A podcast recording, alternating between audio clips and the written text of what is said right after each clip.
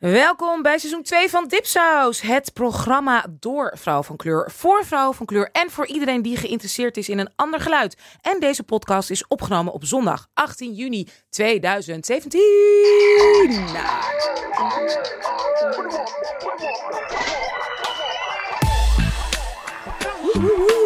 Goedemorgen. Ja. Morgen, lekker weertje. Heerlijk, heerlijk. En wij zitten binnen, maar gezellig. Gezellig binnen.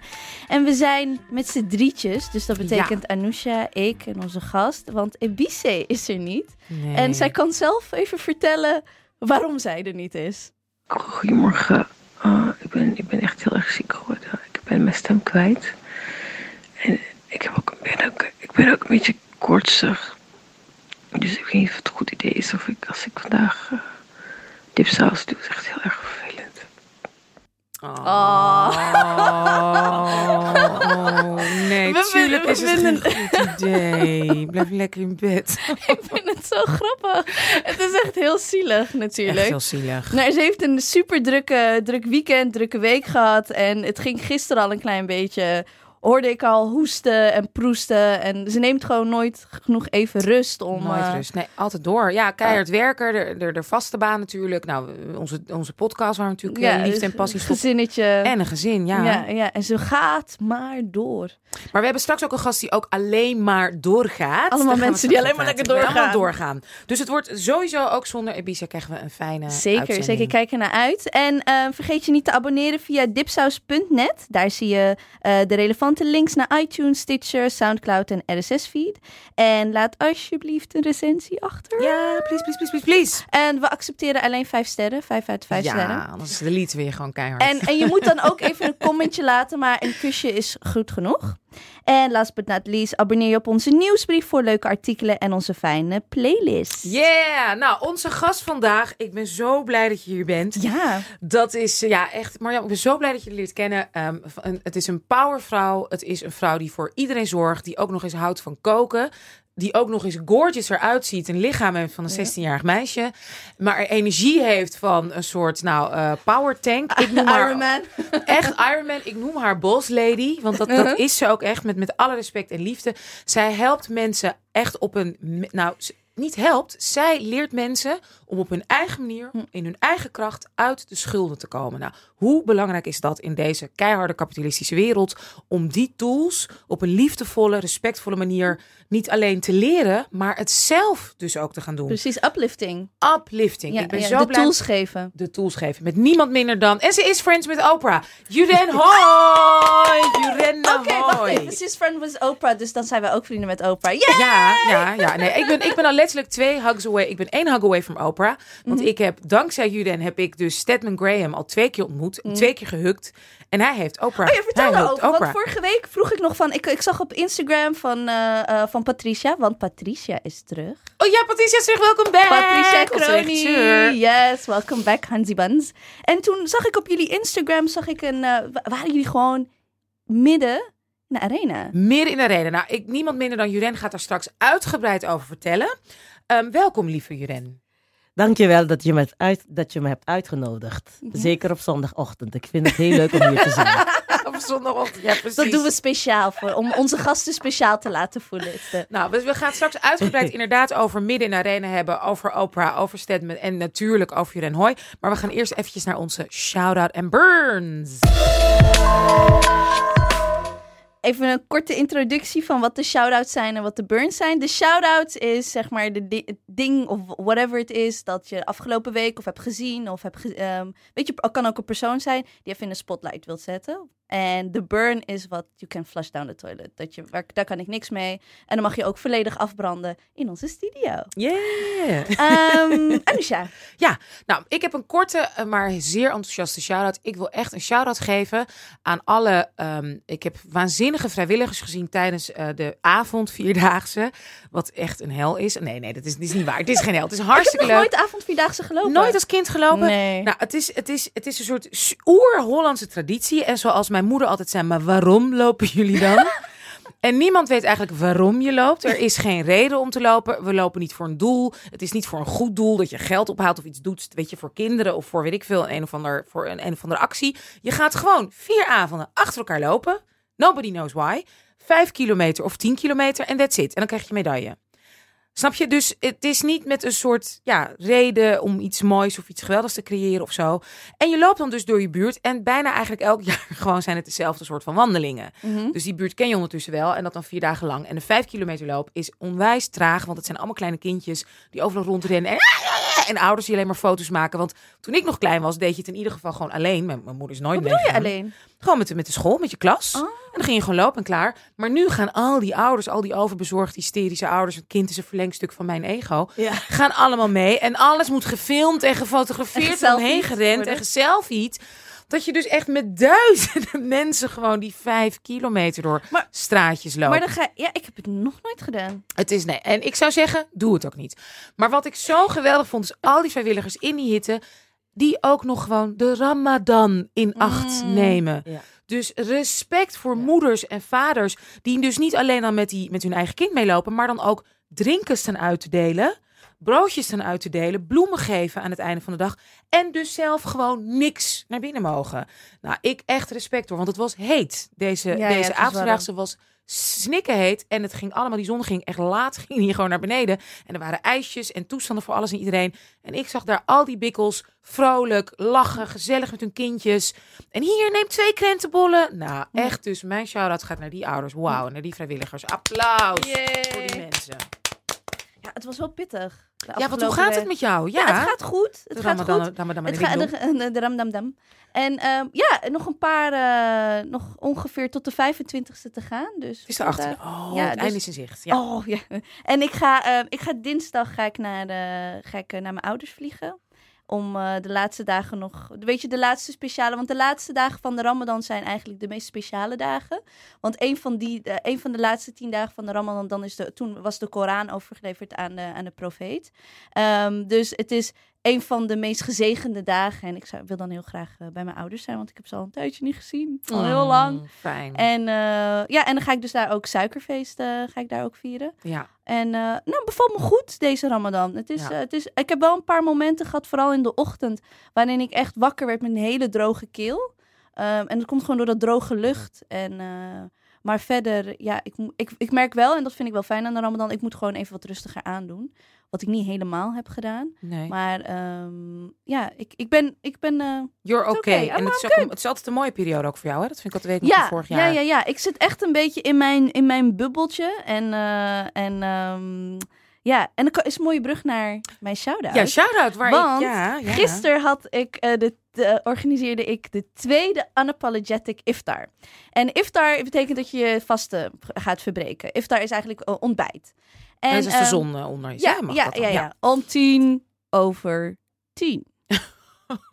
tien over tien. Dus, um, en vorig jaar had ik heel enthousiast, weet je, zag ik allemaal posts van mensen die iftars organiseren. En meestal ga ik daar niet naartoe, want ik ben al moe. Ik wil gewoon thuis mijn koffie drinken, mijn broodje, hoe ik het smeer. weet je, en de soep, hoe ik het maak. Want als je 16 uur hebt gevast, you want, just want your damn food. Ja. En, um, maar vorig jaar dacht ik, oké, okay, wanneer zou ik echt naar een iftar gaan? Als ik hem zelf zou organiseren. Want ik zou ervoor zorgen dat er genoeg eten is. Ik zou ervoor zorgen dat er genoeg water is en dat soort dingen.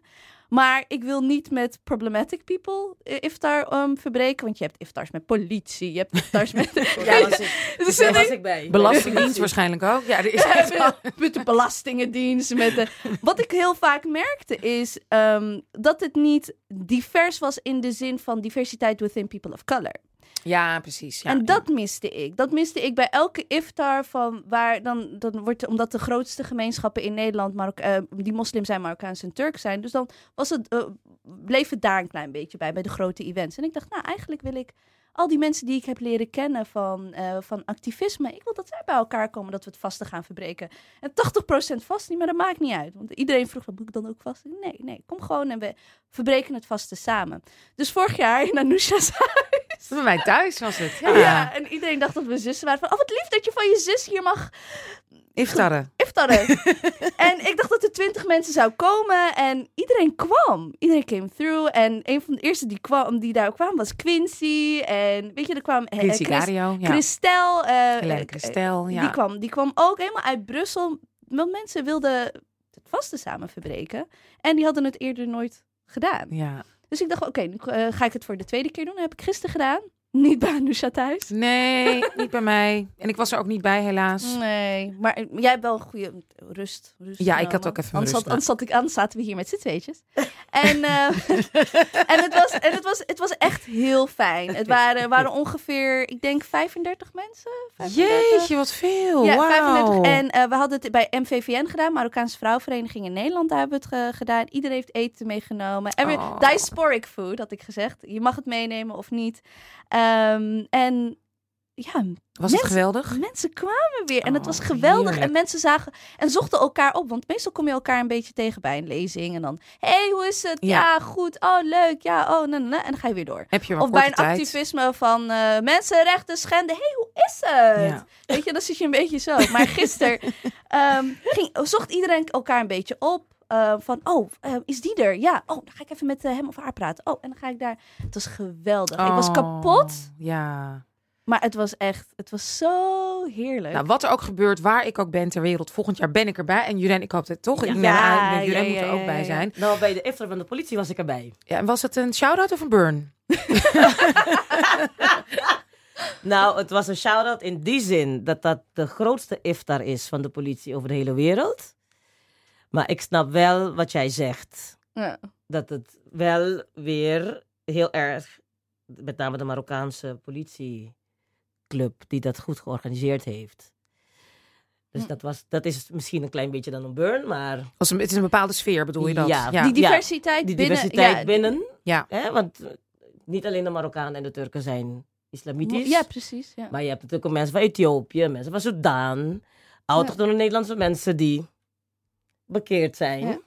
Nou, het gaat, Ja. mij, het gaat mij, wat, mij, wat vorig jaar echt wel mijn burn was, was dat het eh, meestal zo wit gecentreerd is. Het is reaching, reaching out to, ehm, ehm, zeg maar, oh, wij, wij willen de witte Nederlandse gemeenschap, willen wij inclusief, weet je? Ja, wij willen we erbij betrekken. willen we erbij We zijn zo blij dat betrekken. jullie meedoen. Dank Precies, wel. ja, precies. Ja. Maar ik ben juist heel erg geïnteresseerd in de people of color en de black community in Nederland. Dat wij daar wat meer dichter bij elkaar, bij elkaar komen. En die verbinding daar.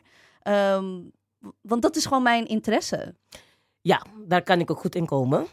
Want daar, valt, daar is ook veel werk aan de winkel, wat mij betreft. Ja, precies. En als Ja. je daar elkaar niet de hand toe reikt. En dan vind ik Ja. de iftar, dan vind ik de Ramadan een van de mooiste ehm gelegenheid om dat te Om doen. dat Want gisteren eh, moest iedereen ook wachten voordat je dadel gaat eten. En dan doe je dat ook samen. En dan valt er een soort van stilte. Even samen. En dat was gewoon heel, heel mooi. Het was gewoon allemaal gewoon eventjes samen. dus viel echt even een, even een Ja. stilte. Mooi, mooi, Ja. mooi. Hey, en ehm, eh, daarover gesproken ook meteen een bruggetje. Jij zei van ja, het is belangrijk dat we hè, meer met elkaar connecten en met elkaar in gesprek gaan. Ik, wij hebben niet echt een burn, hè, allebei, volgens Nee. mij. Dus, maar Juren, je bent ons gast, Juren Hoy. Zij is bestuurder en eh, directeur van Stichting Madi. Gaan we straks uitgebreid over vertellen. En wij gaan nu iets heel bijzonders doen, want onze gast mag een burn Yes, geven. yes, yes, yes, yes, yes, yes. Jij hebt een beetje een burn. Ja, misschien even eerst de context. Ja. Want, Goed in de microfoon, Ja. Ja. want we zaten natuurlijk net in een discussie over de slavernijherdenking. En ik vind het jammer dat we dat dit jaar weer gescheiden weer terug gaan brengen naar één dag. ja. Omdat ik van mening ben dat je slavernij goed moet herdenken. Even voor, alle, voor onze luisteraars. eh, de, de, zoals wij de slavernijviering of herdenking kennen. Traditioneel gezien was het op één dag, 1 juli. En dan 's ochtends tot 12 uur was herdenkingstijd. De, zeg maar officiële gedeelte. En na 12 uur was dan het feest. Keti Kotti, Surinaams of Sranang Tongo voor verbreken de kettingen. En da- dan was het een, so- een soort gezelligheid vanaf 12 uur. Ja. En 's ochtends officieel het, het, het, het herdenkingsgedeelte. Ja. Dat is vorig jaar voor het eerst hebben ze het in Gedaan. twee dagen gedaan. Ja, hè? 30 Waar ik en 1. heel erg 30 blij mee was juli. dat ze dat op die manier hebben gescheiden. Omdat slavernij voor mij een enorme belangrijke betekenis heeft. En ik vind dat je dat ook heel goed moet herdenken. Ik zeg niet, hè, ik, ik ga niet zeggen van die groep heeft gelijk en die andere groep heeft geen gelijk. Ik hou het bij mezelf en als ik naar mezelf kijk, vind ik het van belang om één dag gewoon te nemen om het te herdenken. Want mijn overgrootmoeder is als slavin bijvoorbeeld geboren. Ik ben een nakomertje, mijn moeder ook, mijn grootmoeder ook. Dus voor mij is het heel dichtbij. En dan heb ik niet de behoefte om 's ochtends even een uurtje. Dus even voor de, eh, want dat vind ik heel mooi. eh, Even, eh, daar wil ik bij stilstaan. De moeder van jouw oma. Ja. de- En jouw de- oma heb jij bewust meegemaakt. mijn oma heb ik bewust meegemaakt. dus mijn oma kent heeft de ons... verhalen. Jij kent... Ja, ik ken de verhalen. Mijn oma heeft ons met slavenliedjes in slaap gesust. Mijn moeder heeft dat aan ons overgedragen. Ik kan nog steeds slavenliedjes zingen, want ik heb het ook moeten leren. En ik, voor mij is slavernij, en ik weet dat dit een lastig is als ik het zeg, maar voor mij voelt slavernij aan hetzelfde als voor een Joodse vrouw of man, waarvan de grootmoeder of de overgrootmoeder de holocaust heeft meegemaakt.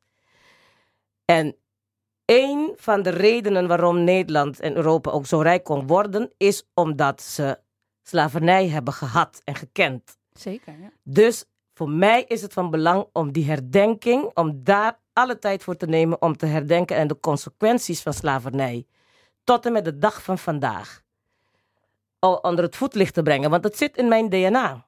Wat mensen ook zeggen, want je hoort vaak van ach, het is zo lang geleden en ach, dat ben ik niet geweest. Dat begrijp ik allemaal. Ik ga ook niet zeggen van jij bent schuldig nu in deze tijd omdat je toevallig autochtone Nederlands bent. Maar ik wil wel een fatsoenlijk gesprek erover hebben en ik wil wel een fatsoenlijke dialoog erover hebben. En waardig. En waardig. Ik wil dat het waardig herdenkt wordt. En vijf, de dag daarna, net zoals 4 en 5 mei, kunnen wij met z'n allen feest gaan vieren dat wij deels, en ik zeg het ook heel hard, deels, ontketend zijn.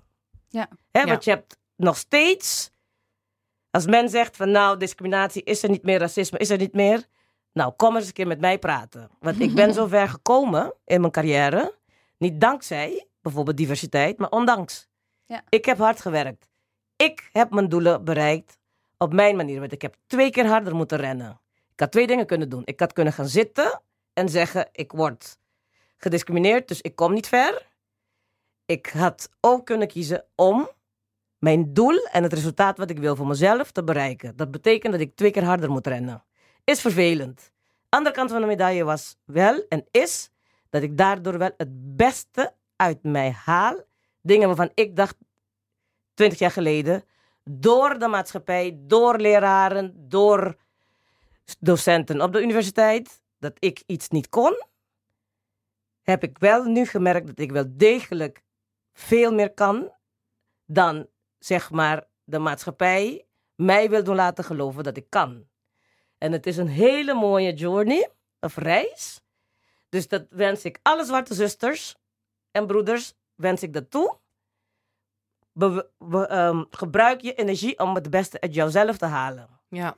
En als je dat eenmaal doet en je krijgt die zekerheid van jezelf, is er geen enkele witte establishment die jou tot de grond toe kan laten gaan in je belief dat je iets niet kan. Ja, want ik heb vaak het, eh, vaak het idee van dat je zegt van oh ja, het moet twee keer harder lopen en het is een journey. En tegelijkertijd moet je ook al die ideeën, wat je ook zei, van deconstrueren. Je moet ze kapot maken. Al die verwachtingen, al dat wat constant tegen wordt gezegd van ja, maar jij bent dit en jij bent radicaal of je bent, Ja. eh, je kan geen feminist zijn, je kan geen. ehm, je kan geen universiteit, dat wordt te moeilijk van jou. Dus in plaats van die privilege te hebben om gewoon die journey, zo wat ik eigenlijk zie als een menselijke, een menselijke journey, weet Menselijk je wel? recht. Precies, menselijk recht. Van nou, ik ga, ik, ga, ehm, ik ga naar school. Wat wil ik? Wat doe ik? Wat kan ik? Wat wil ik bereiken? Wat is mijn doel? Wat heb ik daarvoor nodig? Tegelijkertijd is het constant struggle van, Ja. ah, ik maar. Want ten eerste, waarin je aan jezelf twijfelt aan even capaciteiten, is het, oh, maar het zal ook wel liggen aan, ehm, aan een kleur dat ik heb of uit de, eh, uit de, uit de gemeenschap dat ik kom. En ehm, dus dat, dat maakt het tegelijkertijd ook wel makkelijk, moeilijk om die energie soms te vinden. Dan spreek ik voor mezelf. Ik ben het met je. e- Ik vind het heel moeilijk om die energie- te vinden. En, en dat, dat blijf ik zeggen. Ik ben het helemaal met je eens. Hè, de kracht in jezelf en niks en niemand kan je tegenhouden. Maar de energie en kracht Ja, die het kost en dus- de prijs die je daarvoor betaalt. Dat klopt. emotioneel als mens en ook zeg maar fysiek, ook echt letterlijk gezondheid. Ik zie nu om me heen, nu ik ouder word, dat he- heel veel mensen die, die, die, ja, die komen toch maar zo ver. En dan nog word je nog steeds tegengehouden. Snap je? Dus inderdaad, je kan alles doen en weet ik veel en je hele kracht en alles erin knallen. En dan nog zie ik dat het nog steeds gebeurt dat letterlijk dat, nou, ik, ik, ik krijg natuurlijk heel veel reacties op mijn boek. Dat een man mij ook echt mailde van het is zo verschrikkelijk om te zien dat mijn vrouw, die alles heeft bereikt als vluchteling, notabene, door al die fucking muren heen is gebroken, dan op haar werk weer niet voor de vierde keer niet die promotie krijgt. Nou, dan sta je dus, dat is dus echt verschrikkelijk voor haar. En zij werkt in, dat, in die organisatie, werkt bij het bedrijf, heeft alles laten zien en blijft het maar uit de kast trekken. En voor de vierde keer krijgt zij weer niet die promotie. En Pietje Puk hè, krijgt hem wel. Dat kost heel veel. Zij moet weer naar huis, Oh. moet haar kinderen hiermee opvoeden. En tegen haar kinderen dus ook weer zeggen, ja, maar ga door, maakt niet uit. Ja, niet Snap je? stoppen. Je, Ik, vindt, ver- ja. ik begrijp het hartstikke goed. Vertel mij wat, omdat wat jij nu hier vertelt, dat maak ik dagelijks mee. Of het nou in vergaderingen zijn, is of dat ik bijvoorbeeld in, zeg maar, die white establishment world rondhang, hè? waarbij ik niet goed geplaatst kan worden, hè? dan wordt je meteen de etiket opgeplakt van, ja, maar je bent anders. Waarbij ik weer uitleg, nee, ik ben niet anders. Ik ben ook een van. Alleen ik heb gekozen om het op deze manier te doen. Dus je wordt ook op een andere manier geframed. Dus ik ben het met je eens. Maar tegelijkertijd ben ik pragmatisch in die zin dat ik vind dat is een gegeven. Dus als ik kinderen zou hebben, dat heb ik niet, maar als ik kinderen zou hebben, zou ik ze heel erg wapenen met juist het feit, dit is een gegeven, het is een strijd, wat misschien ook binnen jouw generatie nog niet helemaal gestreden zal zijn. Maar onthoud, als jij, als jij een droom hebt en je gaat ervoor, dan moet je er ook voor gaan en dan moet je je niet laten weerhouden, want tegenslagen komen.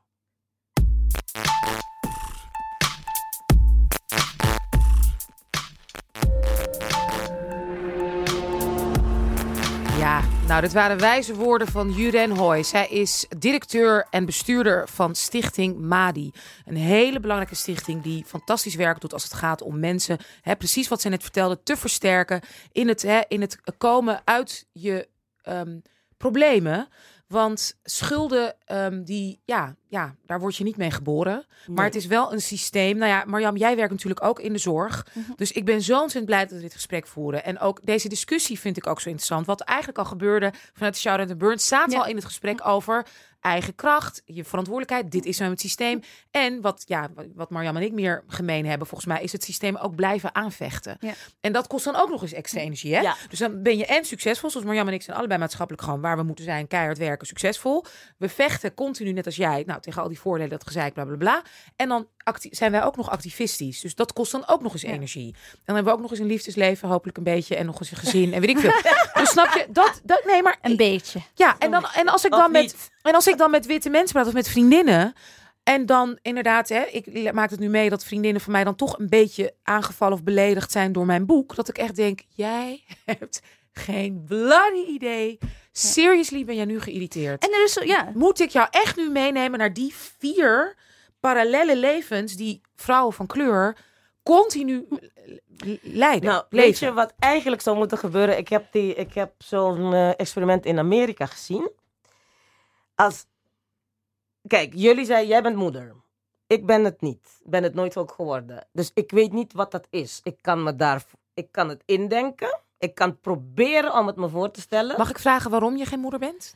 Of Omdat ik, nee, nee, nee, nee, nee. Ik ben geen moeder geworden. Toen ik begon, begon te proberen was ik te laat.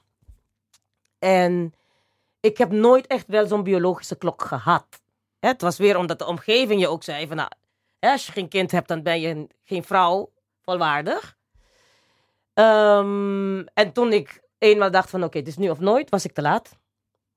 En ik kon kiezen van, om het met, zeg maar, artificial manier om het te doen. En toen had ik zoiets van nee. Want ik ben wel heel erg van de natuur.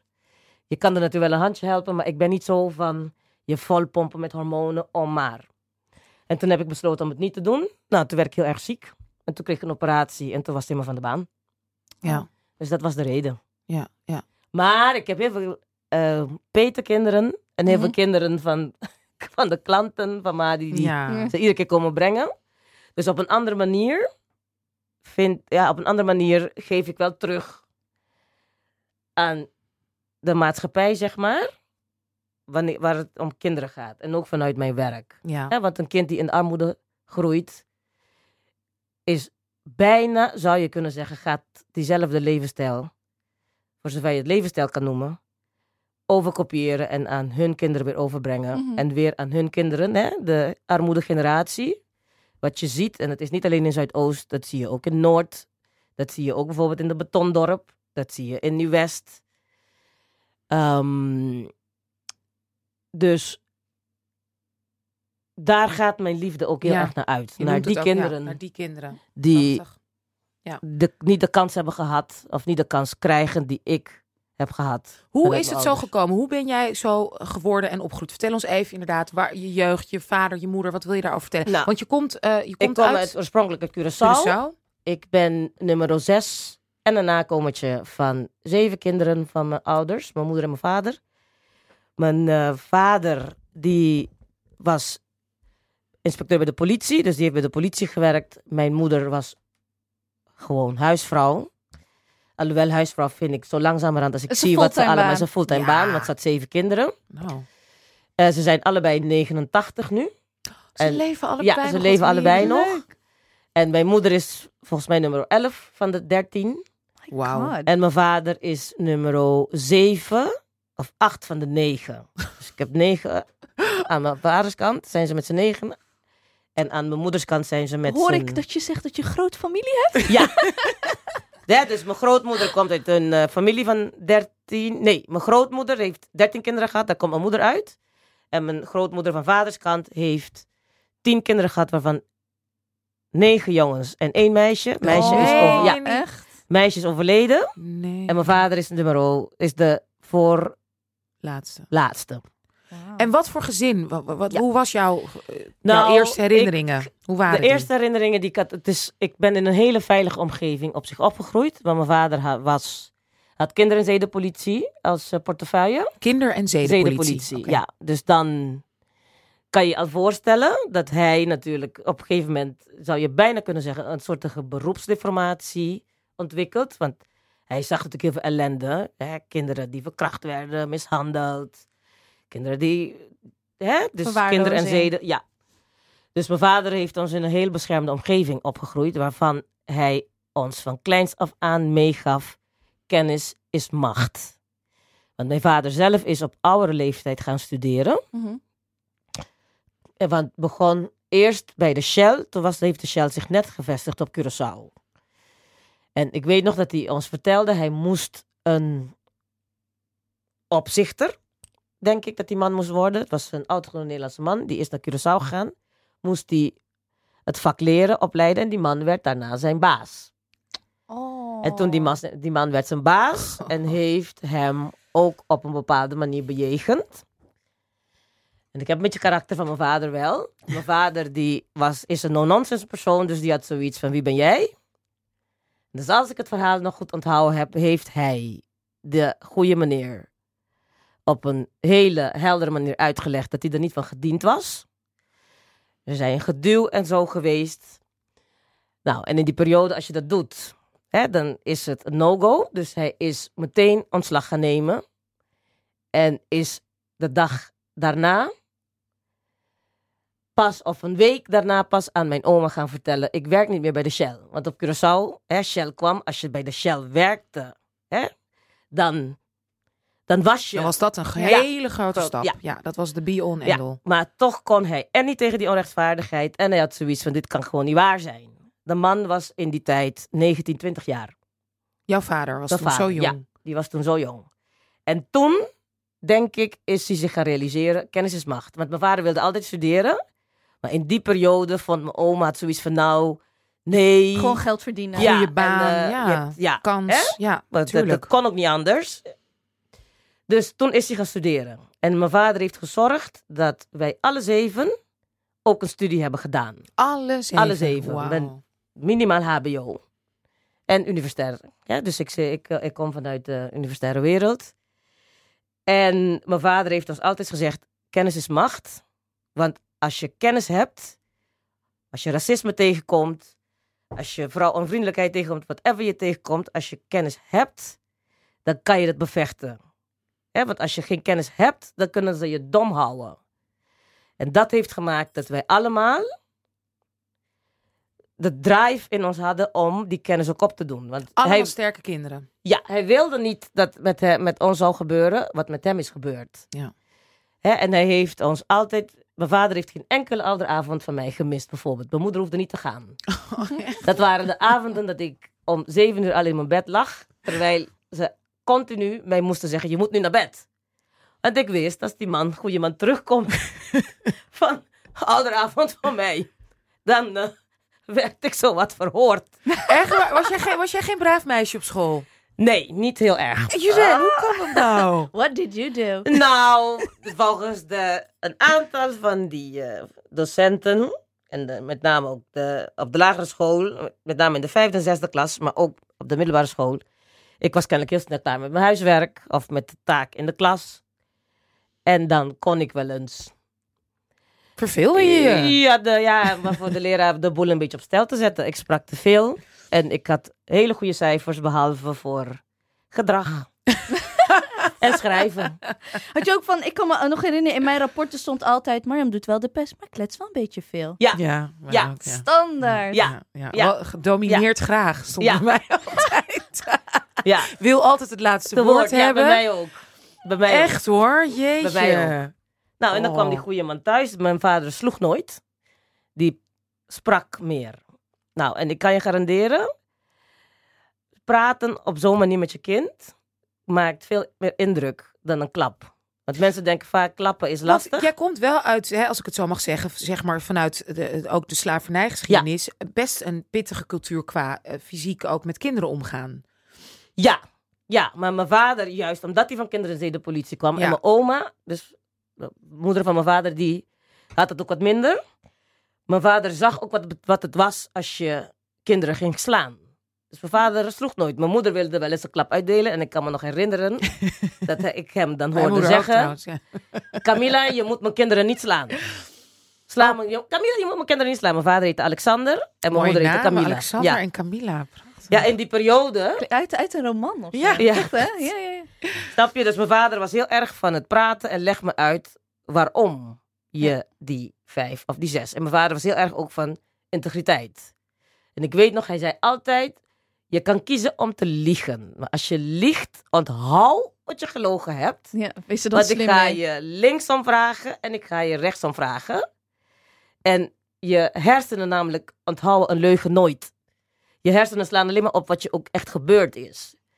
Daarom zie je vaak dat mensen die door de politie verhoord worden, op een gegeven moment zichzelf klem gaan lullen. Ja, Ja. ja, ja. Ja. Hè, want je onthoudt, niet, je onthoudt alleen maar wat je gebeurd is.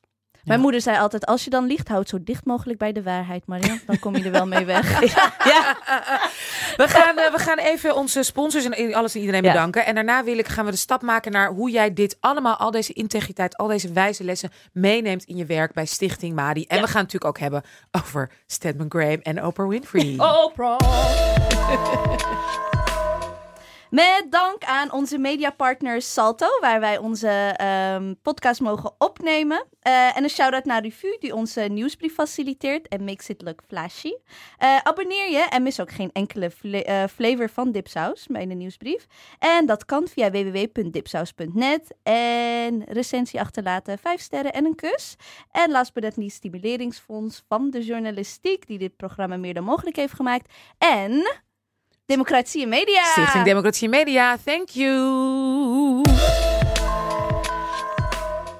Dus ja, lieve Juren Hoy, die is bij ons de gast. Ehm, ja, bestuurder en directeur van Stichting Madi. Jij vertelde net over wijze lessen uit je jeugd. Over inderdaad ehm, praten versus misschien opdrachten. Je hebt het over kracht in jezelf. Wat niet betekent dat je niet realistisch naar hè, de situatie of hè, dus ook Ja. het racistisch systeem kijkt. Vertel ons hoe jij dit meeneemt in je werk en hoe je op inderdaad jouw systeem Pop Up Your Life, hè, wat ik heb leren kennen, wat ik prachtig vind, bent gekomen. Hoe neem jij dit mee? Nou, ik neem natuurlijk altijd waar ik naartoe ga, neem ik mijn geschiedenis Ja, mee. nee, maar toen jij ging Snap werken je? in deze wereld, ja, wa- wa- was er, best- er bestaat natuurlijk een structuur om mensen te helpen in de schulden, Ja. toch? Ja, nou, en wat ik, wat ik bijvoorbeeld wat ik gezien heb, als ik eerlijk moet zijn, was dat wij bezig waren in een systeem om mensen uit de schulden te halen zonder dat er gekeken werd, maar over wie hebben we het nu? Want- jij herkent het ook, toch? Want jij, Ja, ik, ik, her- ik, ik, heb, eh, ik heb gewerkt bij een zorginstelling. Dus ik, mijn, ehm, ik, ik ga daar stoppen en ik eh, ga een eh, ehm, eh, ander werk doen. Maar ik heb heel veel maatschappelijk werk gedaan. En wat, precies wat je zegt, er wordt niet gekeken van... Er zijn verschillende redenen waarom mensen schulden hebben. En dat Ja. is voor elk... vo- Vooral voor mensen van kleur is dat verschillend. Maar sommige overlappen elkaar ook. En als je daar niet naar kijkt, dan is het gewoon dweilen met de kraan open. Ik vond het en dweilen met de kraan open. Ik, vond, ik heb namelijk ook een Calvinistische opvoeding gehad. Hè? Mijn ouders waren heel erg niet van, je mag- katholiek. Heel katholiek. Katholiek, Ja, ja. maar Calvinistisch in Ja, de zin ja. van eten weggooien is not done. Ja, dus conservatief katholiek, zeg maar. Ja, want roermond. Kijk hoeveel mensen honger hebben. Ja. En dan zitten jullie hier Ja. eten te verkwanselen bijvoorbeeld. Hè? Je hebt een, of je hebt een gulden zakgeld van me gekregen. Ik moest een kwartje tot 50 cent opzij zetten. Want je weet maar nooit een keer, je hebt het nodig als Ja. appeltje voor de dorst. Ja. Ehm, wat ik zag in de hulpverlening was, hè, ondanks dat ze zeggen, hè, die lege concepten van eigen kracht. Eh, mensen hebben eigen verantwoordelijkheid en eh, zelfredzaamheid bevorderen. En wanneer je echt ging kijken, wat bedoelen mensen hier nou eigenlijk mee? Hè, want als ik geen eten heb en geen geld heb en ik heb drie kinderen die ik moet onderhouden, dan is mijn eerste prioriteit, ik moet mijn kinderen eten geven. Hè, en dan ga ik de huur niet betalen. Zo simpel is dat. Ehm, ik zag in de hulpverlening dat wij met name de klanten die met schulden kwamen, dingen vroegen om te doen. Je moest je administratie op orde hebben. Je moest zeven stukken meenemen. En we gingen even kijken, heb je nog andere problemen? Ja, nou oké, je hebt geen baan, check, dat is ook een probleem. God, je moet opvoedingsspanning hebben, want het kan niet anders. Oh, dan moeten we even gaan kijken. Hoe gaat het met opvoeden thuis? En och, je man en jij hebben vaak ruzie. Nou, misschien is er ook sprake van een beetje huiselijk geweld. Check, dat moeten we ook nog eens een keer gaan nalopen. Ehm, dus vaak zaten, zagen we ook dat mensen die problematische schulden hadden, ook in de gezondheidszorg zaten. Hè, want die, je zag depressies, eh, neerslachtigheid, Stress. stress, Somberheid. somberheid. Ja, ze noemen het nu tegenwoordig armoedestress. Ja, We raakten de mensen kwijt. Ze kwamen niet meer. nee. Niet omdat ze eigenlijk die hulp niet wilden, want zo zat ik er een jaar of acht geleden ook in. Ach, ze zijn niet gemotiveerd. Nee, het kwam omdat mensen hadden schaamte, hadden die papieren niet, durfden het niet te gaan zeggen, kwamen met één probleem in hun beleving binnen. Liepen naar buiten met drie of vier. Ja. Extra? Och, ja. Dus die hadden meteen zoiets van, nou ja, maar die kan dus niks voor me doen. Wij waren gebonden aan de wet en regelgeving. Och, had je een belastingsschuld? Meestal was dan het verhaal, is je eigen schuld. Dus, Hier zijn de consequenties. hier zijn de consequenties. Belastingdienst, parente schuldeiser. Dus we kunnen even niks met je doen. Och, je hebt de uitkering. Je hebt uitkering genoten waar je daar geen recht op naar had. Nou, fraude. Nou, is een contra-indicatie. Je bent verslaafd. Nou, contra-indicatie, dus zo. Ja, ja. Dus raakten wij de mensen kwijt. Waarvan ik zag ook in Zuidoost dat mensen een enorme schaamte hadden en hebben. Dat wij dingen van ze vragen, hè, papieren lezen. Want Nederland is een papieren land. Oh, verschrikkelijk. En dat is afschuwelijk, terwijl zwarte mensen vaak een orale traditie hebben. Die nu trouwens in is. Hè? Nu, we, hebben, we hebben het nu geframed spoken word. Mhm. En in ene keer is het hip, is, iedereen doet het. Ja, ja, ja. ja. Hè? Maar spoken word is oorspronkelijk iets Ja. wat van zwarte mensen komt. Al helemaal vanuit de slavernij, want je, je kon niet lezen, je mocht niet schrijven. ja. Dus bracht je het over door te vertellen. En het, in Nederland, hoe armer je bent, hoe meer papier. ja. Ja, eh, een eh, je? activiste en schrijver waar wij heel erg fan van zijn, Flavia Jozan, die was waarschijnlijk ook bij de iftar. Die, was Die noemt dat ook eh, bureaucratisch geweld. Nederland is Ja. een land van bureaucratisch ja. eh, geweld. En ook van dingen zo framen dat je denkt dat je een Mercedes hebt gekocht, terwijl het eigenlijk gewoon een Lada is. Mhm. Hè? Want als je goed kijkt naar dat hele schuldenproblematiek. En ik, dit is niet populair om te zeggen, maar de overheid weet het zelf ook. De grootste schuldeisers komen vaak vanuit overheidsinstanties, Belastingdienst, CIB, hè, ziektekosten, met een bestuurlijke boete van 150 Mhm. Dus, en als je SEC kijkt, hebben de meeste schulden eh, komen ook vanuit die hoeken. Dus Ja, de ja. overheid vind dus ik niet van de hun- weekamp of zo. Van de, Die ook. Maar, Ook, maar je, dat hele waar je niet. Ja. en de overheid, in mijn beleving, en als je het. ziet, is ergens met hun wet en regelgeving de grootste schuldveroorzaker. Ik ga je een voorbeeld geven.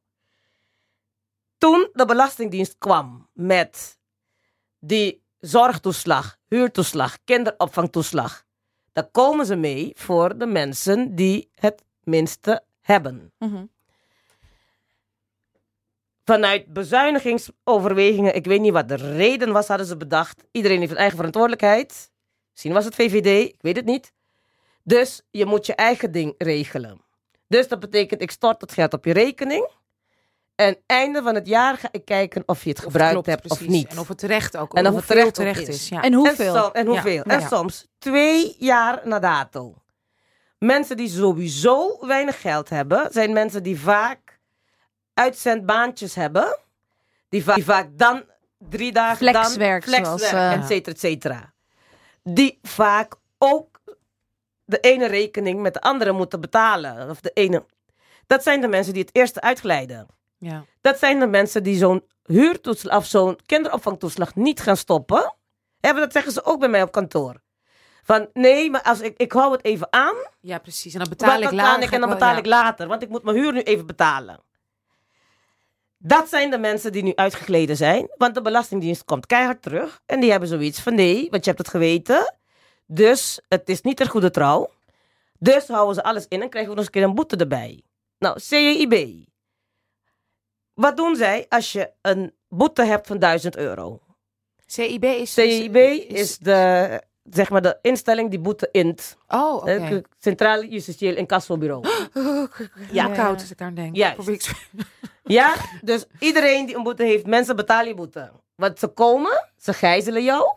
Ja, je mag, je hebt dus, en dat had ik gehoord van bij de zorginstelling waar ik werkte, dat, dat je, dat ze- mogen je ook kidnappen. Ja, Ze mogen je. eh, Even een stapje terug. Ja, ja Ze je, mag, mogen je, mag, je mag kidnappen? gekidnapt worden. ja, als je boetes hebt die, die niet betaald zijn. Maar Ja. wat bedoel je kidnappen? Nou, Dus dat de politie jou mag komen halen. ja, en dan mag je bijvoorbeeld een week moet je de Wat? gevangenis in.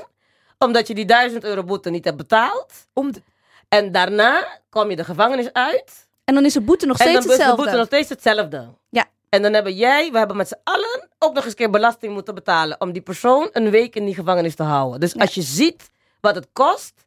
Afgezien van het feit dat die persoon misschien bureau jeugdzorg. Misschien, hè, je kan je baan kwijtraken. Niemand You weet waar are- die persoon is. Are Je mag you ook nee, me? nee, dit is echt waar. En er was een cliënt die dat, eh, dat- Ja. bij de zorginstelling waar ik werkte. Ik ga thuis meteen even checken hoe.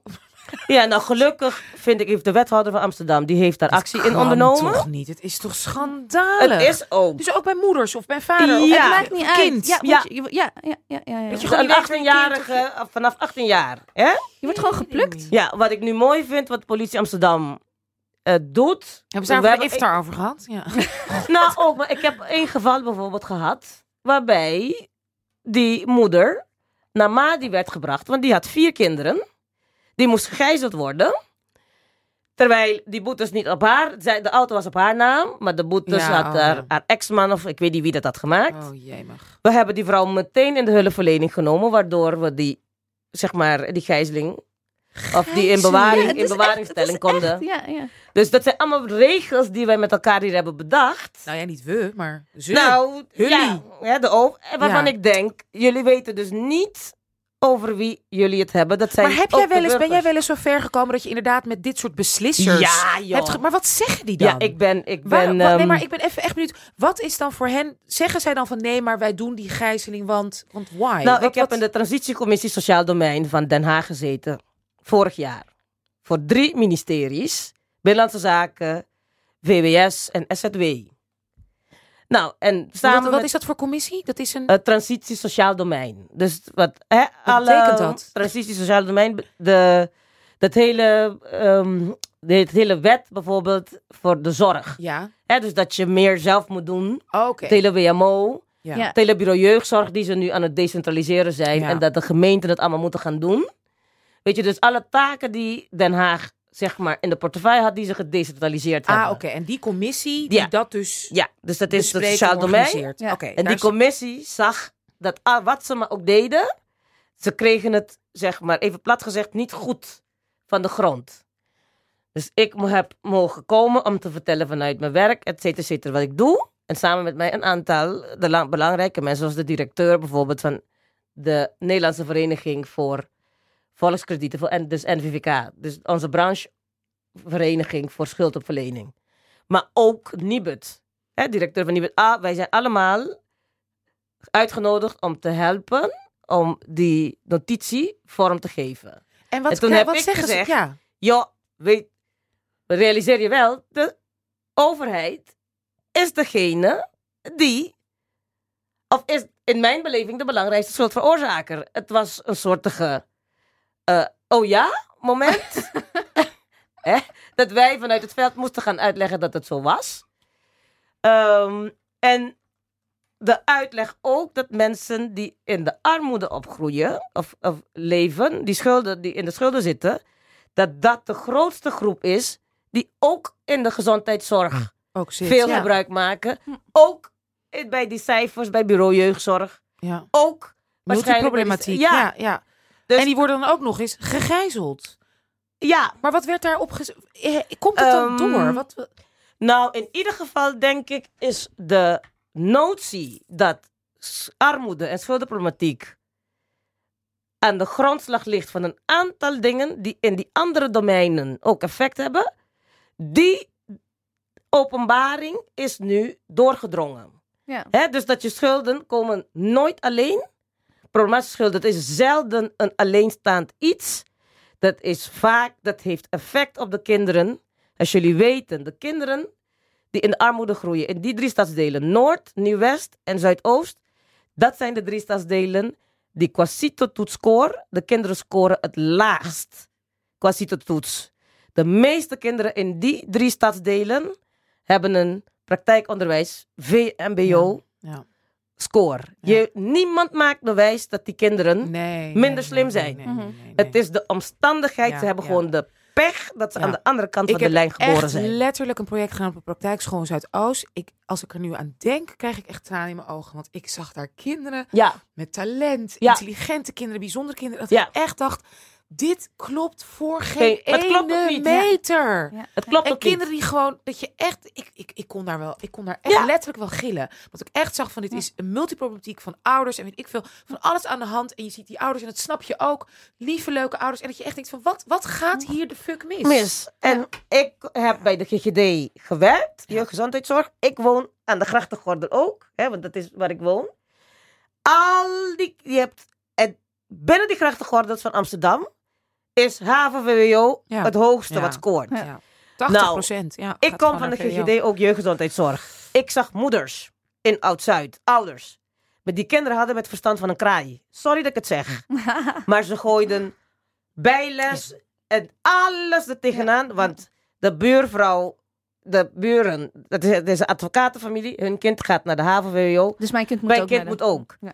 Dat zijn de kinderen die met moeite ook universiteit of HBO afmaken. Of ze gaan naar het Luzak, hè? Gewoon een betaalde school, privéschool. ja, en dan komen ze in de echte wereld om te werken. Moet je maar, zoek maar eens uit welk de jongeren, de, de 6, 7, 28, 30-jarigen die een burn-out hebben, Mhm. uit welke nest ze komen. Dan ga je zien, de meesten komen uit de nest die altijd te horen hebben gekregen, jij bent geweldig, jij bent de Jij beste, jij kan het. En je bent een tien. En dan met een drie, eh, drie tegenslagen is het... En eh, met drie tegenslagen zakken ze door elkaar. Hè? Dus wat de ouders binnen de grachtengordel goed doen en kunnen doen, omdat ze ook natuurlijk de de middelen. inkomen hebben, de middelen, is natuurlijk alles tegen het kind aangooien om Vooruit te komen. vooruit te Ja, komen. wat je ook wil als ouder natuurlijk. Wat je ook wil als ouder. Ja. Dat, dat, die ouders in Noord en Zuidoost en Nieuw-West willen dat ook. Alleen ze kunnen niet.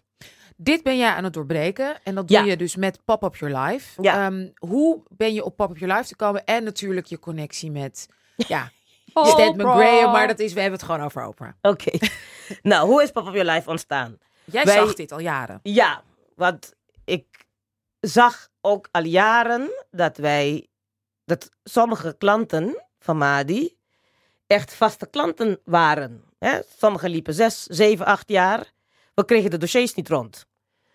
En we hebben een onderzoek gedaan waarbij bleek dat mensen in de schuldenproblematiek, en dat was een onderzoek over heel Amsterdam, gaven aan dat ze eigenlijk behoefte hadden aan een soort persoonlijke ontwikkelingsplan. Dat de hulpverlening Mhm. juist daar niet met hun aan, aan het werken was. Ehm, ik Zeg maar gefocust op de persoon, op de individuele ehm ehm, Situatie. situatie. Nee, wij, wa- de, Natuurlijk de focus zijn er- was gewoon op de problemen de hele tijd. Ja, ja, ja, ja. Snap je? En niet op de ontwikkeling, wat kennelijk daar wel een behoefte aan was. Ja, precies. Hè? Wat op zich ook heel logisch is. Ja, want Ja. wie ben jij Als je- naast ja. de Je, bent Ja. je schulden niet. Dat is Nee. niet de enige persoon. Dat nee, niet, snap je? Ja. Ehm, en ehm, we zagen ook dat de hulpverlening, of dat althans dat hulpverleners ook iedere keer vastliepen. Hè? Want als je het niet goed deed of als je de klant niet hielp, werd niet gekeken hoe of wat. Per definitie, zeker de laatste tijd, ook vanuit politiek, hè, kreeg, de schuld, kreeg de hulpverlening krijgt altijd de schuld als er iets gebeurt. Hè, niemand kijkt naar de wet en regelgeving. De- Zijn kindje overlijdt, komt te overlijden. Ja, iedereen werkt er langs elkaar heen. En de hulpverlening heeft het niet goed gedaan. Terwijl de privacywetgeving maakt hè, dat sommige dingen gewoon niet kunnen lopen. Ja. Ehm, zo is Pop Up Your Life ontstaan. Omdat de En POP staat voor POP staat voor persoonlijke ontwikkel- ontwikkelingsplan. Maar ook ontpoppen. Ja, hè, en Pop Up, dat, dat- die titel hebben we bedacht met een soort getwinkel aan die pop-up stores. Mhm. Dus hebben we gedacht, oké, upgrade je, je leven, want het moet leuk zijn om aan je leven te werken. Ja. En niet vanuit je onmogelijkheden. Hè? En onmogelijkheden is, ik heb schulden, ik kan niks. Maar juist vanuit je mogelijkheden en wat je droom is. Want als ik je vraag wat je droom is, en je vertelt me wat je droom is, en ik vraag aan jou, maar waarom kan je die realiseren, dan kom ik vanzelf bij die problemen.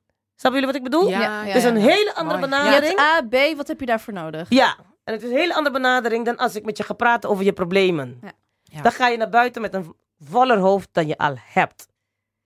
En als ik met je ga praten over je droom, dan komt er weer hoop. Want een heleboel mensen die in de schulden zitten, op een gegeven moment doen ze de deur dicht, gordijnen dicht, post niet meer open. Mhm. Want ze raken de hoop kwijt dat ze uit die impasse en uit die ellende komen.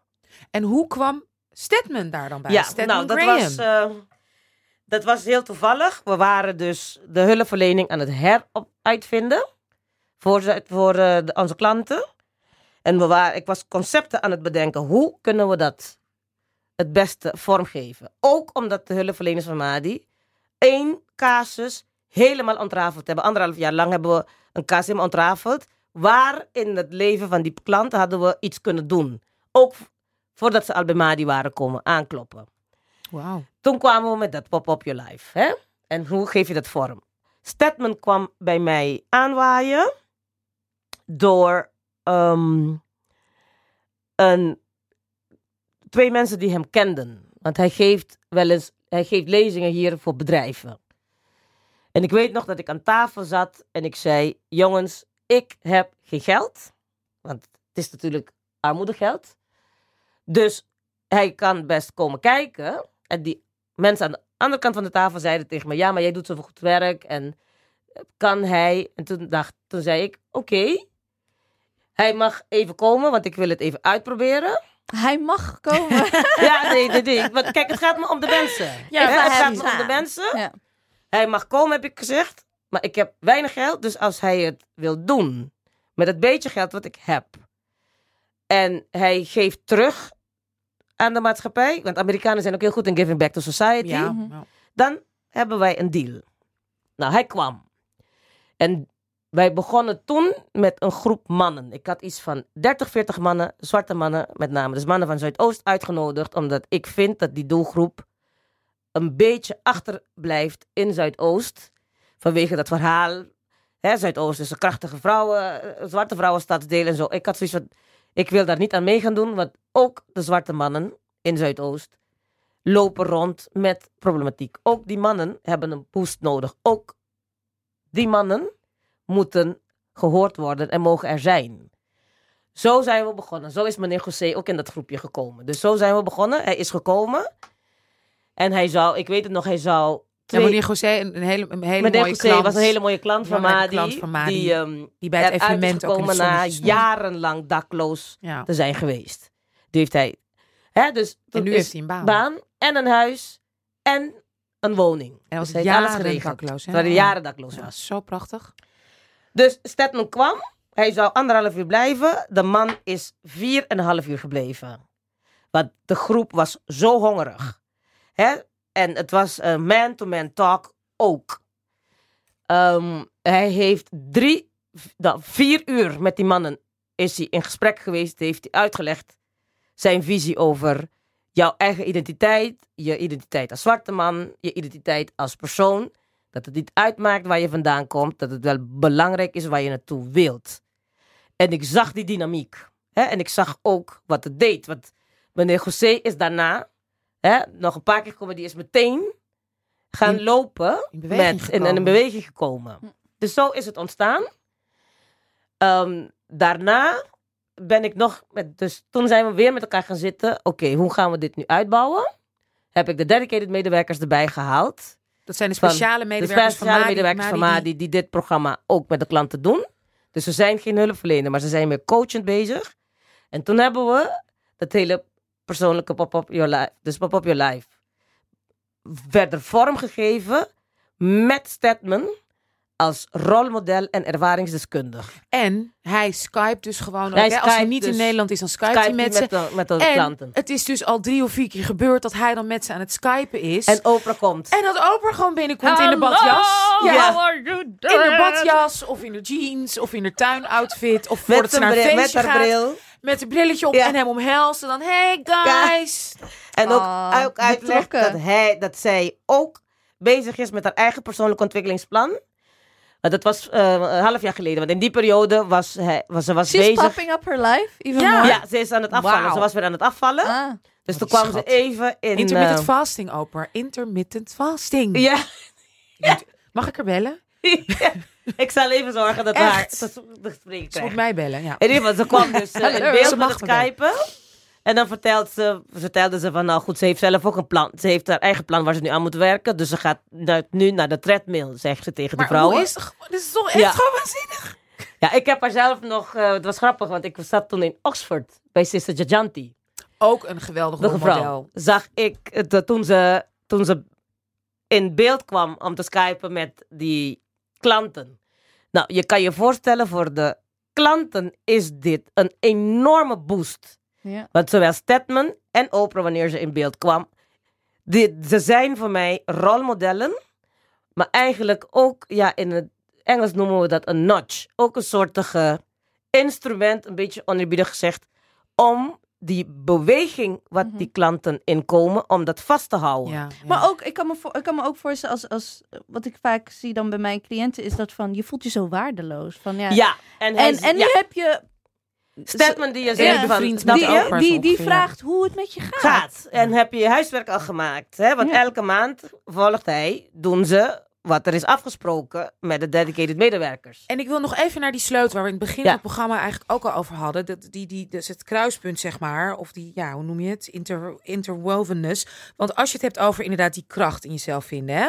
Waar ik heel erg achter sta, en natuurlijk. Maar je hebt ook inderdaad het systeem. Ja, Dat, dat, dat moet veranderen, ook met name door activisme, door Ja. onze doelgroep versterken, door met Ja. elkaar inderdaad meer in gesprek onze eigen iftars, onze eigen emancipatie. Ja. Hoe zie je dat krachtenveld? Want inderdaad, nou ja, nogmaals, dat betekent hoe je ook wordt genudged en hoe je ook je life popt opt en je best doet, dat systeem blijft in plaatsen. Ja. En heb je dan ook weer mee te struggelen met je kinderen qua schooladvies, Klopt. qua CITO, qua Klopt. inderdaad, eh, inderdaad een beter baantje zien te krijgen. Hoe combineer je dat nu in dat programma?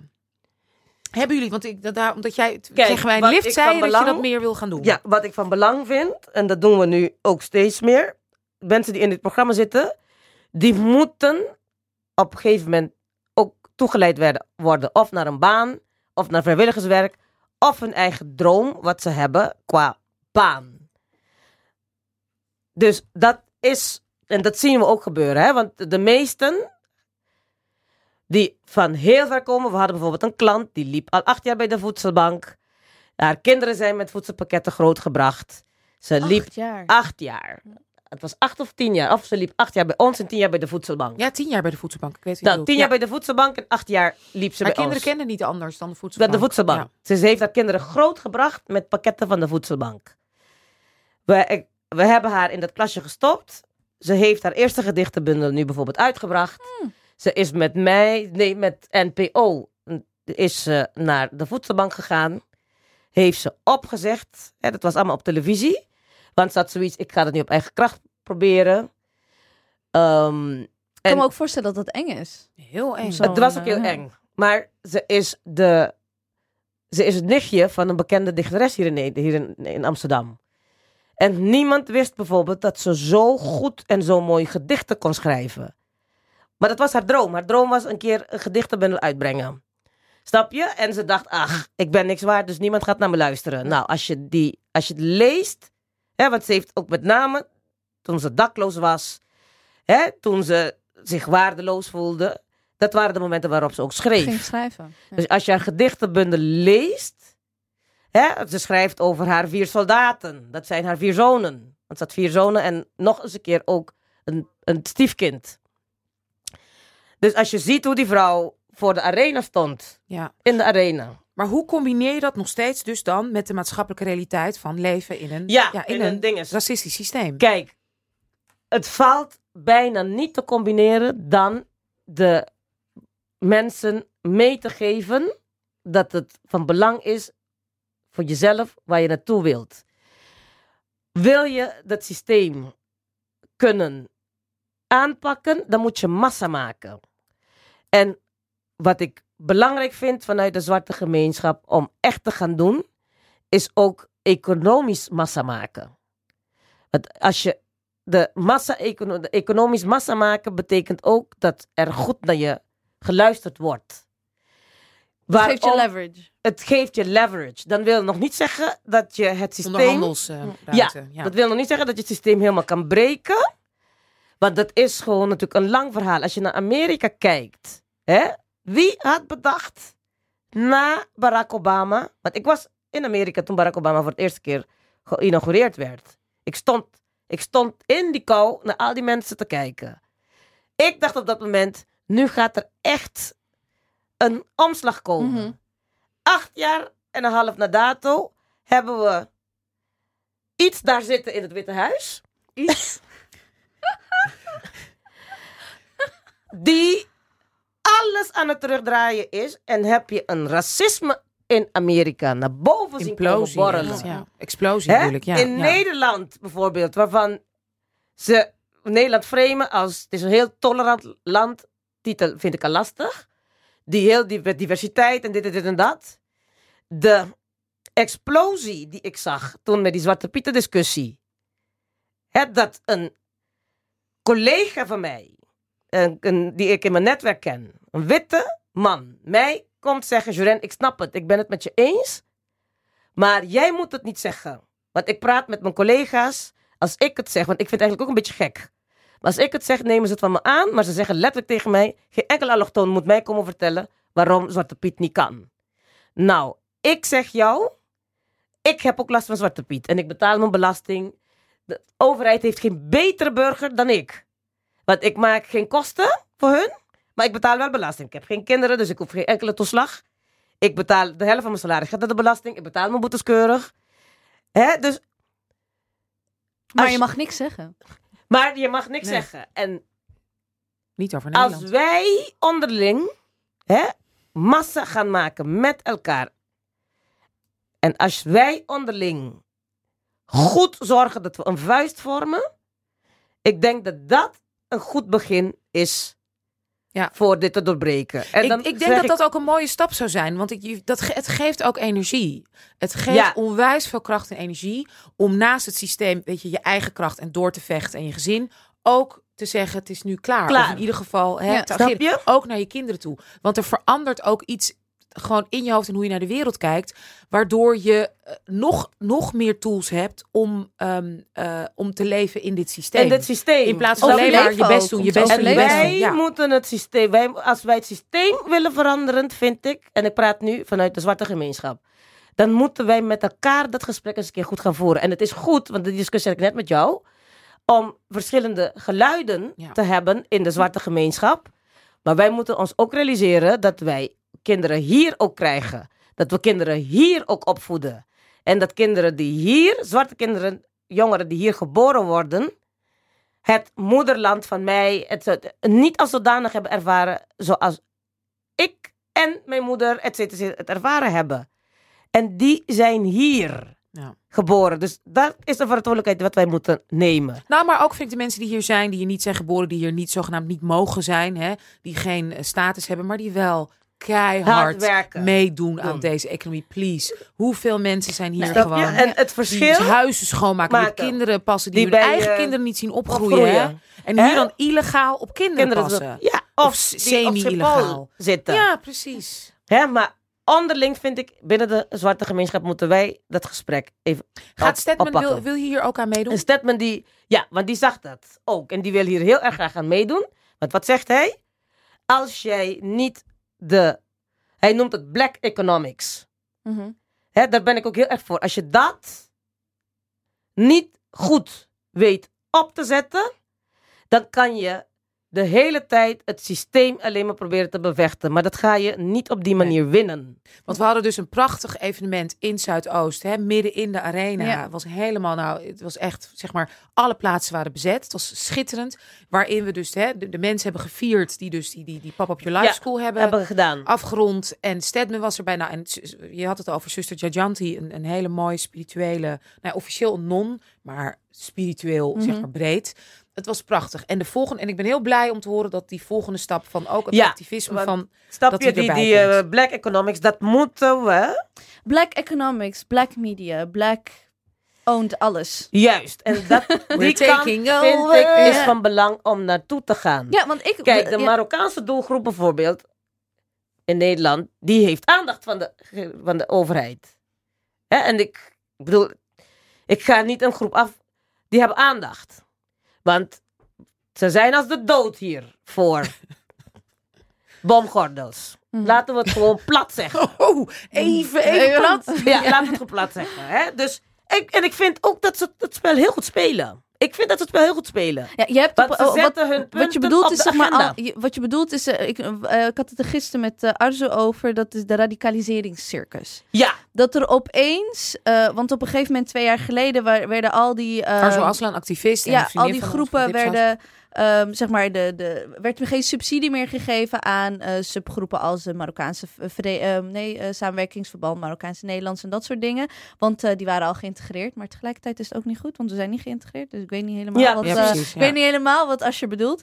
En, ehm, maar wat er dus is gebeurd, is er zijn heel veel potjes dan opengegaan om radicalisering. ja. En daar zitten, vechten, en daar zitten ze allemaal bovenop, ronselen. En wat heel schadelijk is. Ja. Want eigenlijk zeg je, jullie zijn allemaal liability. Jullie zijn allemaal, kunnen jullie dus gaan radicaliseren. En het is aan ons om dat te stoppen. In plaats van, weet je, eh, in plaats van echt aandacht, emanciperen, popping up lives en dat soort dingen. Dus ik denk dat je dat. eh dat ja, bedoelde. maar dat bedoel ik deels. Maar ik bedoel deels in de zin van dat het spel goed gespeeld wordt. Laten we nou wel wezen.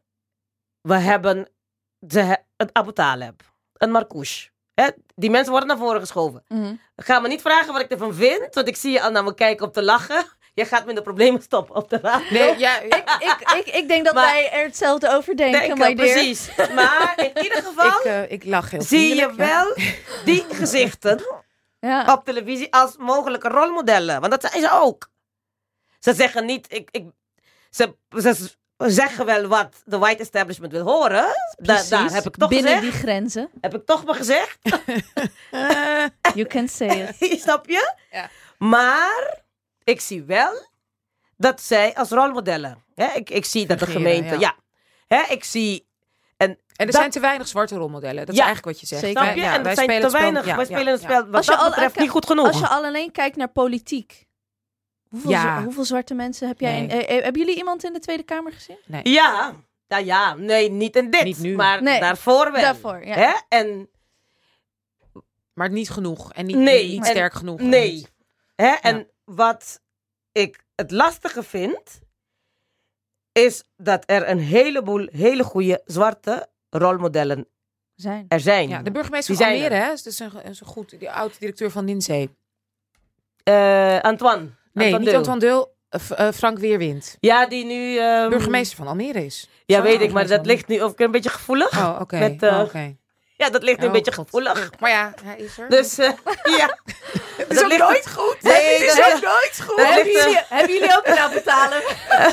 Dat ligt een beetje gevoelig met de Oké. tweede of derde of vierde leg. Ik weet niet wat het is, dus die, dat ligt een beetje. Oh. Maar je hebt ze.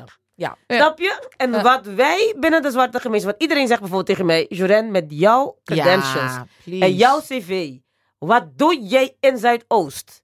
Ik had het dubbele kunnen verdienen bij de farmacie. Hè, ik ben gepromoveerd hart- en vaatziekten. Ik had al lang decaan kunnen zijn van een universiteit, ik weet ik waar. Alleen, ik vond vanuit, ook vanuit mijn geschiedenis met mijn overgrootmoeder en mijn vader, dat ik een taak had richting mijn zwarte zusters en zwarte broeders, als ik het zo mag zeggen. Daarom zit ik zo lang al in Zuidoost. Want wat ik zie ook is wanneer wij carrière maken, hè, dat moet ook gezegd worden binnen de zwarte gemeenschap, dan om te overleven willen we ons daar niet meer mee associëren. En dat is iets wat wij eigenlijk onderling ook met elkaar over in gesprek moeten. En Geef zichtbaarheid. elkaar een hand. Want Ik ben- binnen de Marokkaanse gemeenschap bijvoorbeeld zie ik dat namelijk wel. gesprekken zijn er weer goed. Wij hebben natuurlijk als zwarte gemeenschap hè, honderden jaren niet met elkaar mogen en nauwelijks kunnen spreken. Ja. Kolonialisme, hè, Ja. tot slaaf Onzichtbaar gemaakt, zijn. onzichtbaar zijn. Ja. eh, Echt moeten overleven. Ik ben zo blij dat we dit gesprek hier ook mee starten. We- Wellicht kunnen wij hier met Dipsaus ook mee, hè, verder in faciliteren. Connecties gemaakt. Juren, ja, Dankjewel. ik wil uren met je praten. Ja, Uren met je praten. Dus daarom gaan we nu wel nog naar ons laatste, laatste segment, waarin jij nog in ieder geval iets kan zeggen. We gaan naar de DDD's.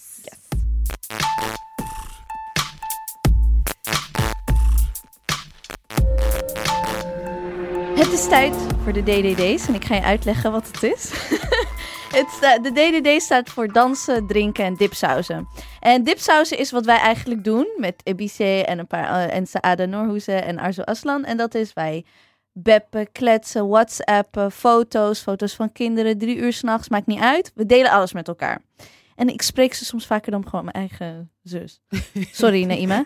En, ehm, maar je moet dus kiezen. Ik ga, ik ga drie namen geven. En dan moet je van die drie moet je kiezen wat je met hen gaat doen. Ja? Oké. De eerste is Najib Amhali. En waarom, Najib Amali? Eh, nou, Najib Amhali, omdat, het, omdat hij, een, eh, hij is nu een beetje weer terug in de scene. En Ja, ik met, heb het lang niet meer gezien. ja, met, met Dino. Samen met Jan Dino. Ja, samen met Jan Dino, ja. Prinses Irene, omdat ik weet, zij is toch best wel betrokken van in het Koningshuis met allemaal... Lezen, toch? Ja, ja, ja, ja. ja. Ze, ze, ze is toch een bomenknuffelaar? Nee, dat is die andere. Nee. Nee. Dat is toch Irene? Die is toch van de bomen? die andere is toch van de bomen? Die Nee, nee, nee. Prinses Irene is van de bomen. Die is van de... Sorry, dat is de zus van... Laurentien. Laurentien. Laurentien is van het lezen. bedoel je. Laurentien is van de boeken. En zo, en die jongeren. En onderwijs. Ja. Oh, die Die, ja, ja, Ja. die Je bedoelde haalt ik. die twee witte Prinses vrouwen gewoon door Ik elkaar. haal, ik, ja, Annelies, Anneloes, eh, Patty, eh, hoe heet je ook alweer? Linda. Linda, oh hey, eh, White ja. Woman, hey. Becky, nee? Dus je bedoelt Laurentien van het lezen, ja. Laurentien. En Tupac Shakur, omdat zijn, zijn documentaire. Is net uit. Oh, Ja. Nee, film. Speelfilm. Film, All film, Eyes ja, on Me. Ja. ja, ja, ja, ja. En die wil ik zo graag zien. Ik, ja, En ja, omdat ik nog steeds verliefd op hem ben.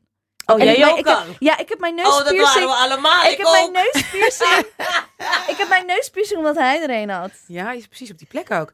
Oké, dus je moet kiezen. Dus luister, met wie ga je drinken, gaat met wie dus ga je dansen, met wie ga je Nee, En nee, een nee. Ze reden. veroorzaakt nu een catfight hier binnen in de studio. Want die man heeft mij ten huwelijk gevraagd. Ik heb destijds nee gezegd. Tupac? Nee joh, ik zit, ik zit op die end. Ik zou zeggen, mij echt zo. Nee, Wat? ik, eh, als ik moest kiezen, dan is het natuurlijk voor de hand dat ik Tupac, Tupac kies. Maar Om niet, te dipsausen. maar Of drinken, vanwege, want dan om te drinken. en dan ga je Nou, trouwen in dipsausen Vegas. en drinken. Nee, je Eh, mag maar één kiezen. Oh, ik mag of dipsaus of drinken? Ja, of dansen. Dansen, drinken of dipsaus. Nee, dansen. Dan zou ik dansen kiezen. Met... Dan zou ik En dansen wij kiezen. Alright. dan zou ik dansen kiezen. Maar hij beweegt ook zo lekker. Hij doet Nee, nou, en hij beweegt ook heel... eh, Ja, heel Maar- kort en klein, hè? mijn ex-man is Amerikaan, mannetje. zwart-Amerikaan geweest. Dus die hebben een soort ge, ja, swag. Ja, maar hele korte bewegingen, maar dan beweegt hij eigenlijk heel veel. Eh, het is alsof hij staat, maar ondertussen beweegt hij. ja. Snap je? Oh, Alsof hij ja, zweeft. Ja, Nou, ja, ja. Ik zou met hem. En ik zou met hem willen dansen. Maar ik zou met name heel nieuwsgierig zijn naar zijn ge- familiegeschiedenis. Dat zijn, volgens mij was het zijn moeder, Ja. zijn vader, was, zo- die was ehm, in de tijd van Malcolm X. Ja, m- um, zijn moeder, eh, volgens mij heet ze... Zijn moeder. Ja, ja, ja, Activiste, ja. ja. het was activiste in de tijd Die van onlangs Angela ook is Davis. overleden. Juist. Ja, ja. Angela Davis en Malcolm X, et cetera, et cetera. Dus ik heb... ehm, ik heb namelijk het boek van Malcolm X thuis. Heb ik gelezen, maar ook Angela Davis. En daar komt volgens mij haar moeder ook Ja, in. Uit die scene. Terug. Komt voor. Dus daar Dansen zou ik met Tupac en, en praten. Oké, natuurlijk. Tijdens het dansen Hij heeft ook zo'n mooie... Hij Ja, heeft, ja, ja, ja. hij heeft ook een heel mooi poëzie. Hij heeft echt een mooi... Gorgeous. ja. I know, Ja. I know, I know, I Een know. spoken word. Helemaal Ja. goed. We gaan eh, linken naar hem. eh, en jullie gaan die catfight straks zien. Ja. Studio Ja. uitvechten. Met wie ga je dan? Dus je hebt nog over... eh, eh, de- Ja, Laurentien. ja, drinken en dipsaus heb je nog over. En je hebt Najib Amali en, en, Ehm, en met prinses Laurentien. Laurentien, dipsausje. Ga je met haar gewoon appen en... En dipsausje. Ja, ja, Doen. ja. en Oké. En ga ik haar uitleggen over die CITO-toetsverhaal. Wat we zien in een heleboel van die arme wijken. En dat ze daar veel meer inderdaad in Zou kunnen. moet gaan Betekenen, betekenen. moet betekenen en moet betekenen. Ja. voor haar onderdanen. Want dat is wel iets wat migranten... Migranten zijn heel erg konings, koningshuisgezind. In ieder geval de mensen van de Bes-eilanden en Curaçao, Aruba en Sint Maarten. Ze moeten regelmatig niks van Nederland hebben, maar het koningshuis is heilig op die eilanden. Wauw. Dus met haar zou ik willen dipsausen. En, En dan ga je drinken, drinken met, met Najib Amali. Ja, met Najib Amali ga ik drinken. Heel veel en heel snel. En met ehm En Jan Dino mag en dan Jan Dino ook. En dan ga ik Jan Dino even uitleggen Ja. dat hij eigenlijk een rolmodel moet gaan worden nu voor onze gemeenschap. Get yourself together. Get, get yourself inderdaad yourself together. together, boy. En, Want wat vind je van Judeska? Wie is je deska? ehm, ik, ja, een typetje dus- dat hij kijk, speelt in Ah. drag. Dan gaat Daar hij als ga je vrouw. weer. Ja, sorry. Jullie Mijn gaan kinderen mogen dat ik dingen niet meer zeg hier, wat ik FC niet wil Kip mogen ze gewoon niet meer kijken. Ik voor mij. vind dat hij bij die Judeska zegt, geeft hij een boodschap af die bevestigt het stereotype beeld wat mensen hier hebben van de Curaçaose vrouw of de zwarte vrouw die simpel en eenvoudig is en die niet wil werken met de lange nagels.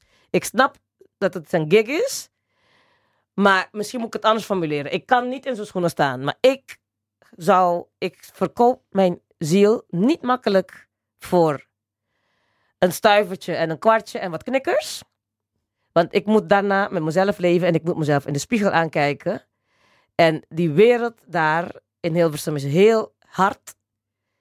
En wanneer ze je niet meer kunnen inzetten, ben je ook zo aan de kant. Dus ik vind, nee, Judeska is mijn ding niet. Nee, nou, daar is alles mee gezegd. Bam. Ja, We zijn zo blij dat je onze gast was. Zo, een heel- enorme eer om tegenover je te zitten. ik hoop niet dat jullie allerlei telefoontjes krijgen.